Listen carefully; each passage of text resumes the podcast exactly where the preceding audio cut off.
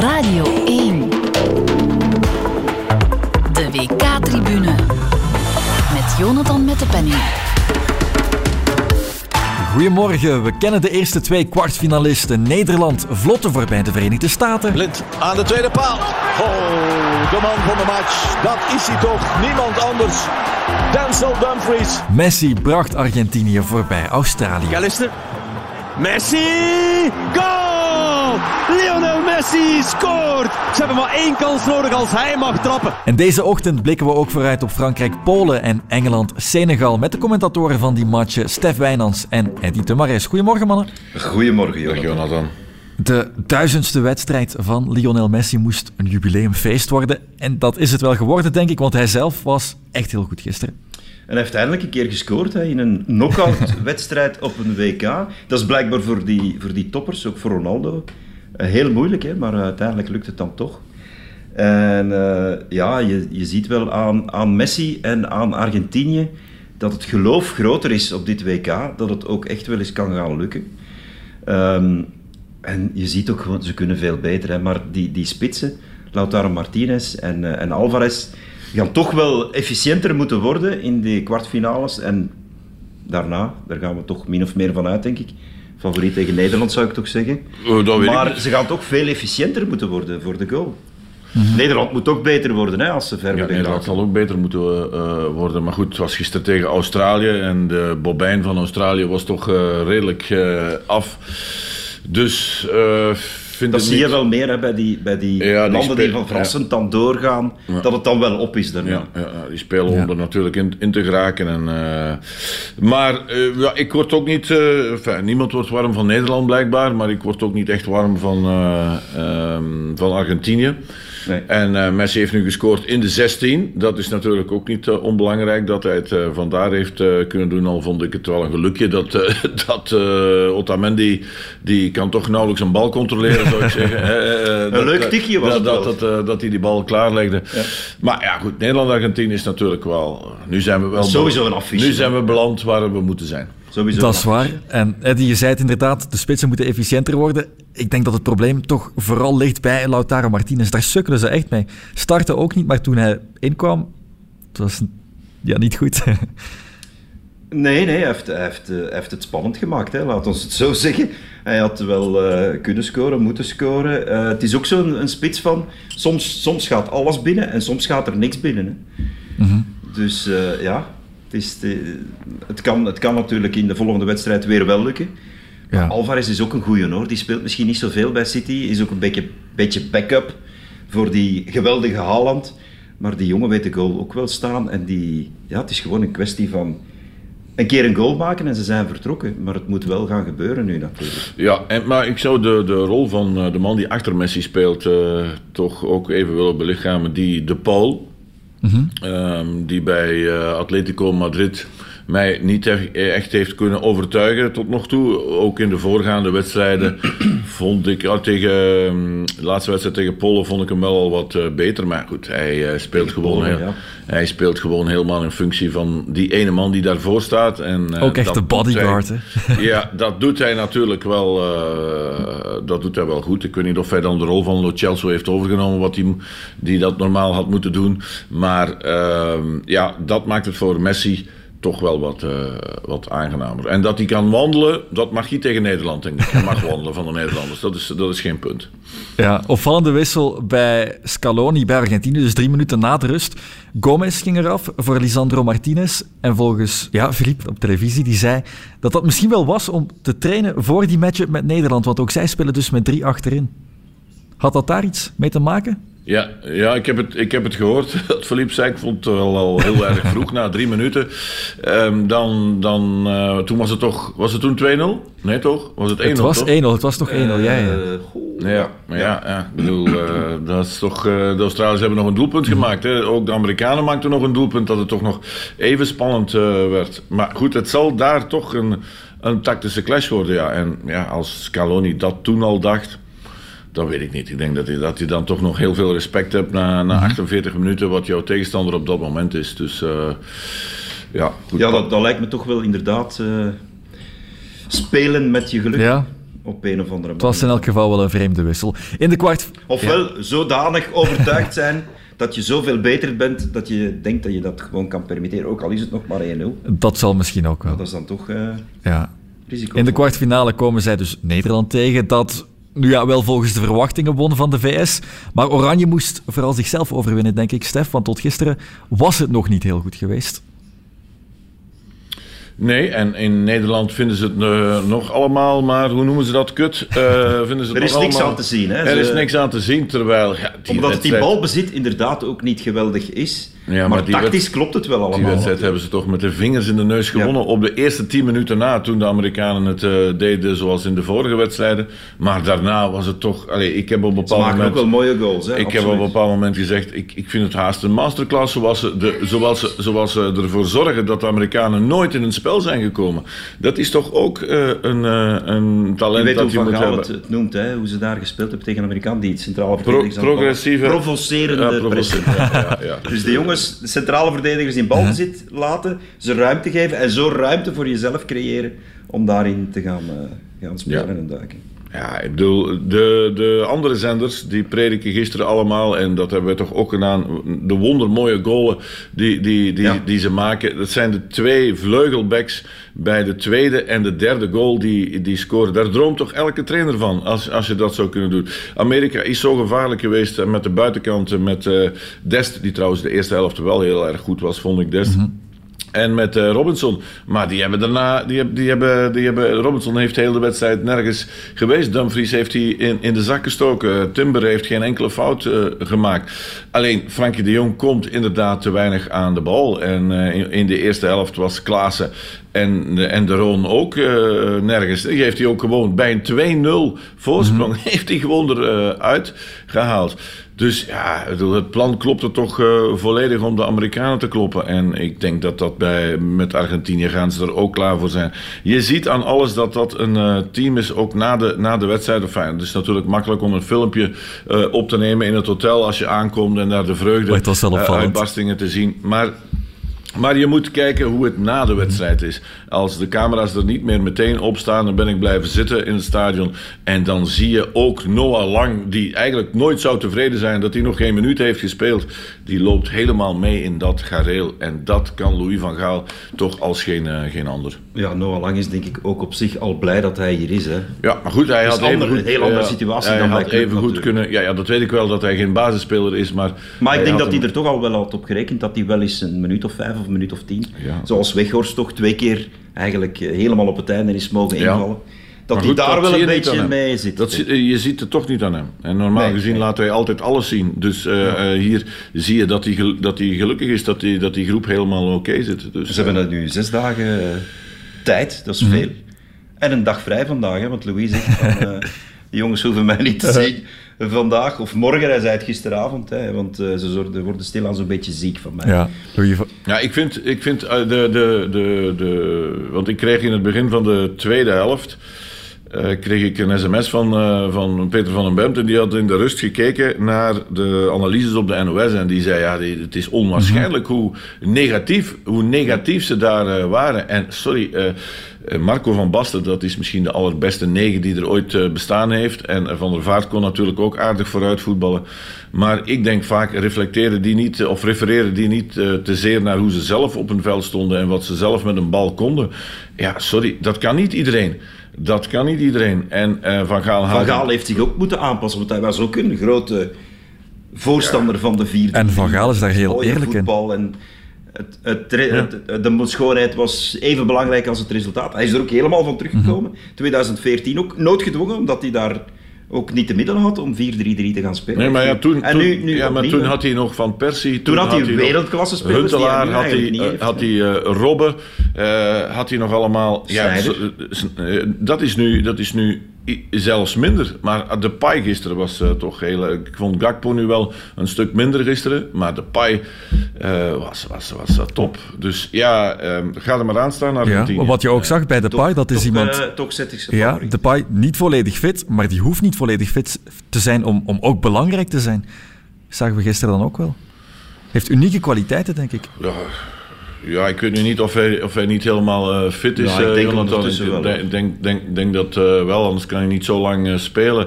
Maar eh, ja, ik vind de, de Pai, ik heb, ik, ik heb nooit hem echt als een super, super, super spits eh, gevonden. Maar ondertussen heeft hij 43 doelpunten voor Nederland gemaakt. Als je weet wie Nederland allemaal in de spits heeft gehad. En hij zit daar allemaal boven. Ja, dan moeten we uiteindelijk concluderen dat hij, dat hij het eh, super doet. En Van Gaal kan hem op zijn beste uitspelen. Als Van Gaal zegt: Kijk, we kunnen geen wereldkampioen worden zonder een eh, goede Memphis Depay. Dan maak je die speler al 30% beter. Hebben jullie de kus van... eh, Ja, hoewel iedereen zei toen, hè, toen hij van Lyon naar Barcelona ging, van dat is een niveautje te hoog.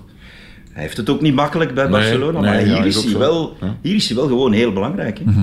Hebben jullie de kus van Van Gaal aan Denzel Dumfries gezien op de persconferentie? Dat is ook, toch ook weer een beetje provoceren, denk ik, hè, richting die Qatari. Ja, Ja, misschien maar, een eh, beetje. Je moet opletten, Louis, want het kan hem misschien nog eh, in de problemen brengen, maar het is wel, ja... Hij kan zich alles permitteren hè, op dit moment. Dat is Ja, gewoon- waarom zou, je dat, waarom zou je dat niet doen? Ik bedoel, Nee, eh, er is ook niks mis mee, hè, absoluut niet. Hij is eh or categorie en misschien dat alleen eh, Luis Enrique wat in de, in de, in de buurt komt. eh, maar hij, in, in, in alles is hij zo enorm rustig als je ziet hoe hij antwoordt op die vraag die de Belgische journalisten dan plots als een kapstok gingen beschouwen dat hij naar België zou komen. Ja, ik denk dat daar nog geen, geen, enkel, geen enkel moment heeft over nagedacht tot hij die vraag kreeg. Dus, maar, Maar hij, ehm, is, hij is 71, hij heeft alles meegemaakt. Er hoeft niks meer hè, voor hem. Wat er op hem afkomt, dat, dan bekijk Jawel, je dat en dan ziet hij wel wat hij ermee Er doet. hoeft Dus niks. eh, Hij, wil, hij een wil geweldige... wereldkampioen. Hij, hij gelooft dat hij wereldkampioen kan worden. Ja, en hij probeert vooral zijn spelers Ja, dat te laten ja, geloven. hè. Ik weet niet of hij het zelf echt gelooft, maar hij, hij slaagt er wel in om zijn spelers het te laten geloven. En dat is... Maar als, als je nu kijkt, ze spelen nu tegen Argentinië en je zet ze naast elkaar. Heb je dan, heb je dan van Argentinië meer gezien dan van eh, Nederland? Nee, maar Argentinië heeft Messi.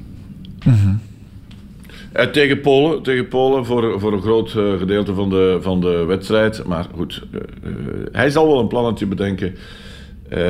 En ik mag hopen, want in 2014 was Nederland-Argentinië halve finale. Daar schoot Messi één keer op doel. Eén keer in eh, 120 minuten.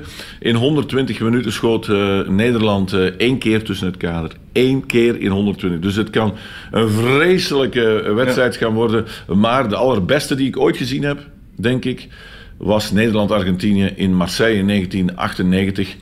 Met een wondermooi doelpunt van eh Ja, ja, Bergkamp. Bergkamp, Eh, ja, en dat was een Oranje Legioen. En dat moet ik ook nog even zeggen, want dat was gisteren. Louis heeft dat na de wedstrijd ook eh, gezegd. Ik heb nooit een wedstrijd gezien waar er zo weinig Oranje fans in het stadion zaten. Bij die eerste ronde, degenen die er toen waren, konden nog eh, een, een ticketje boeken, omdat ze wisten waar ze precies gingen spelen. En, en gisteren, ja, over een legioen was er nooit sprake. Ik denk dat eh, het, het beeld dat ik nog ergens op televisie gezien heb van ze trekken samen naar het stadion, ja, dat was een dusdanig close beeld dat er 50 of 60 mensen bij elkaar waren. Ik ja, denk dat ze, je- hadden er een, een drieduizendtal ja, verkocht, dacht die- ik, hè, in die- Nederland. ja, dan zaten ze toch eh, heel verspreid in het. eh, in Ofwel zijn ze eh, er niet ingeraakt. Dus in elk geval, ze zullen overvleugeld worden door de Argentijnen in het eh, stadion. Maar dat was gisteren door de Amerikanen ook. Maar ook dat gaat hen eh eh, eh, koud laten. Vallen. In elk geval, wat ze allebei nog niet gedaan hebben op dit toernooi, dat is echt top zijn. Dat zal in deze wedstrijd wel, wel zo Ja. moeten zijn. Dus dat is wel... En het goed. wordt een kwartfinale om heel erg naar uit te kijken. Vanmiddag en vanavond twee nieuwe achtste finales. Frankrijk-Polen, jouw match Eddy en Engeland-Senegal, de jouwe Stef. Laten we bij Frankrijk... Nee, omgekeerd. Omgekeerd. eh? Ik doe Engeland. ah, oké. Ja. Dan heb ik het verkeerd gelezen. Ja. Goed, het is hetzelfde. Laten we, ik, ik zou bij Frankrijk beginnen en vooral bij Polen, want het Polen dat we zagen in de groepsfase zou weinig weerstand kunnen bieden. Het is een vreselijk, vreselijk saaie ploeg om naar te kijken. Je hebt, eh, als je ze ziet spelen, heb je zoveel eh, ja, medelijden, moet ik bijna zeggen, met Lewandowski, die daarvoor in hopeloos staat te wachten op een bal, die zo goed als nooit komt. En dan die Chesney in de goal, die, die ook wel zijn best doet, maar alles ertussen is zo saai. Eh, maar het is niet, wel niet makkelijk om tegen te Ze spelen. kunnen niet van je winnen, wint, maar je kan wel van ze wel verliezen. Dus, Cruijff. ja, ja. Ja, goed. Nee, nee dat is inderdaad uh, zeer, zeer behouden. En ik vraag me inderdaad af, die Lewandowski die staat daar alleen. Die, ja, daar zit dan drie man in zijn nek te hijgen. Er is, geen, er is nauwelijks een aansluiting. Uh, Zielinski speelt ook niet uh, top Milik op, op dit moment. Ja, Milik staat er eigenlijk nauwelijks in. één wedstrijd is hij gestart. Ja. Um, maar in principe zijn ze, zijn ze kansloos tegen, tegen Frankrijk. Ik bedoel, Frankrijk steekt er toch met, voorlopig met kop en schouders bovenuit, ja. vind ik. en, en dan moet je die wedstrijd tegen uh, Tunesië, ja... Die moet je niet meetellen. Met de volledige B11 Het gevaar is bij Frankrijk... Ja, het gevaar voor Frankrijk is net als, denk ik, bij, bij andere toplanden, dat ze niet te makkelijk gaan zeggen van oké, we staan voor, uh, het komt wel goed. Nee. Doorduwen tot het 2 of 3-0 is, maar ik denk wel dat ze dat En dat doorduwen moet lukken, want iedereen zal nu vrees zitten met dat ze hebben kunnen rusten tegen Tunesië. De basisspelers. Altijd gevaarlijk, hè? Dat, is, dat is altijd dubbel. Hè? Wat moet je doen als coach? Eh, ga je een B-ploeg opstellen, uh, dan hebben die jongens wel, dan, dan heb je je groep mee, want dan heeft iedereen mogen spelen. Maar anderzijds, eh, die, er zijn spelers ook die, die, wet, die elke wet, Messi wil altijd spelen bijvoorbeeld. Ja, maar goed, dit is, dit, je, zit midden in een, je zit midden in een seizoen en je kan nu zeggen dat die Fransen hebben nu een week niet gespeeld. Het is anders dan, dan, dan in juni of in juli spelen natuurlijk. Dat is wel... Ik uh, moet niet te veel woorden aan de Polen vuil maken. Uh, ik, heb niks tegen de ik heb niks tegen Polen, hè, maar uh, voor alle duidelijkheid. Maar het zou wel eens kunnen, snel, de spanning zou wel eens snel kunnen. Dat zou kunnen. Engeland-Senegal dan, dat oogt qua matchup inderdaad een leukere wedstrijd, denk ik. Maar Southgate zou wel nog wat keuzes moeten maken, want wat doe je nu met Phil Foden, wat doe je met ja. Marcus Rashford? 1 en 2 goals tegen Wales, heel goed allebei. Ja, ik denk dat hij niet anders kan dan Rashford opstellen, omdat hij echt wel outstanding mhm. was in de laatste groepsmatch tegen Wales. Ook al was Wales zwak, hè, dat moet je er wel bij zeggen. Maar Rashford heeft wel een statement gemaakt. Foden iets minder, was ook goed. Maar ik denk dat hij toch Saka zal zetten op rechts. En dat hij dan met Rashford op links uh, gaat mhm. starten. Foden voor dat, uh, Mount is geen optie? Een beetje op de 10? Ik denk dat Mount ook niet zal spelen. Ik denk dat hij toch wat meer behoudend in het middenveld... Uh, dat hij Henderson gaat zetten, mhm. zoals tegen Wales. Omdat hij verwacht dat in de latere fases van het toernooi... Brazilië komt vaak door het, door het centrum bijvoorbeeld. En dat hij daar... Uh, en er zijn nog ploegen die dat doen. Dat hij daar wat meer zekerheid wil inbouwen. En dat hij daarom Henderson gaat zetten. Kunnen we dan het, ontslag van, dan het ontslag van uh, Southgate al aanvragen als je niet met foto's speelt graag? ja, elke, elke analist. Er, er zijn ook polls over, hè, over welke Engelse voetballer is het grootste talent in de Premier League. En dan zegt drie kwart of meer Foden. En Southgate zegt, nee, nee, in mijn systeem Jordan Henderson. Uh, heb ik andere spelers nodig. Nee, ja. Nog iemand blijft Kyle Walker in de ploeg staan bijvoorbeeld. Die is nog meer dan Trippier de vertrouweling van Southgate achterin. En is ook belangrijk uh, om, om mee in dat middenveld te schuiven. Hè. Uh, om daar ook mee de boel te gaan versterken. Ik denk wel dat hij weer gaat spelen. Mm -hmm. Ja, de bondscoach van Senegal dan, Aliou Cissé, die is wel ziek. Die was niet op de persconferentie. Dat kan onhandig zijn, daags voor de wedstrijd. Ja, ik verwacht ook dat hij, dat er zal zijn. En uh, hij doet het wel goed, hè, want voor het duel met Ecuador dacht ik ook van ja, ik schat Ecuador misschien net iets hoger in. Is ook een, best wel een spannende match geworden. Maar dan zie je toch dat, dat, dat Senegal, dat daar wel uh, veerkracht in zit ook, hè, in die ploeg. En er zit ook veel ervaring in. Veel jongens die, ze spelen allemaal in Europa, maar veel jongens die in Engeland spelen, die in Frankrijk spelen.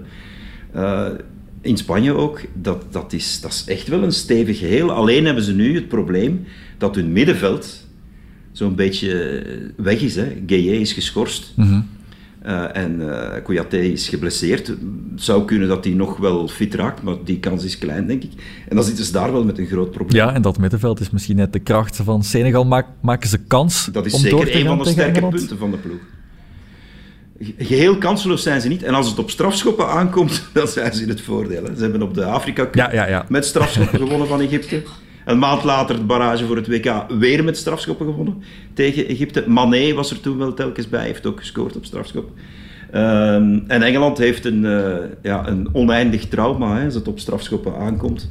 En ook Southgate trouwens. Ook de coach Cissé van Senegal heeft ook al eens eh, een traumatische ervaring gehad met strafschoppen. Finale van de Afrika Cup. Hij is goed Heeft voorbereid. hij eh, is goed voorbereid. Maar hij heeft, hij heeft ondertussen wel strafschopreeksen gewonnen. Southgate kan dat niet zeggen. Hè. Dus als het op strafschoppen aankomt, dan wordt het Senegal, denk ik. Ja. Maar ik verwacht toch dat Engeland met al dat aanvallend talent... En ze staan goed, ze zijn, ze zijn ja, ze zitten gewoon goed in het toernooi en ze hebben heel veel wisselmogelijkheden ook. Als een van die flankaanvallers het laat afweten, dan zet hij gewoon een andere. Hij heeft, heeft zoveel kwaliteit daar dat ik wel verwacht dat ze het. Uh, ja, de Senegalezen mogen strafschoppen nemen als de Engelsen al in de kleedkamer aan. ja, zoiets. Zoiets, we leren vanavond. In principe wel, maar laten we hopen dat het toch een beetje. Ja, we leren vanavond of er strafschoppen bijkomen. Maar eerst dus Frankrijk-Polen om 4 uur. Daar hoort u Stef op Radio 1. Engeland-Senegal is er dan om 8 uur. Eddy hoort u op 1. Stef en Eddy, succes en veilig thuis, Bye bye. Ja, dankjewel. Dag.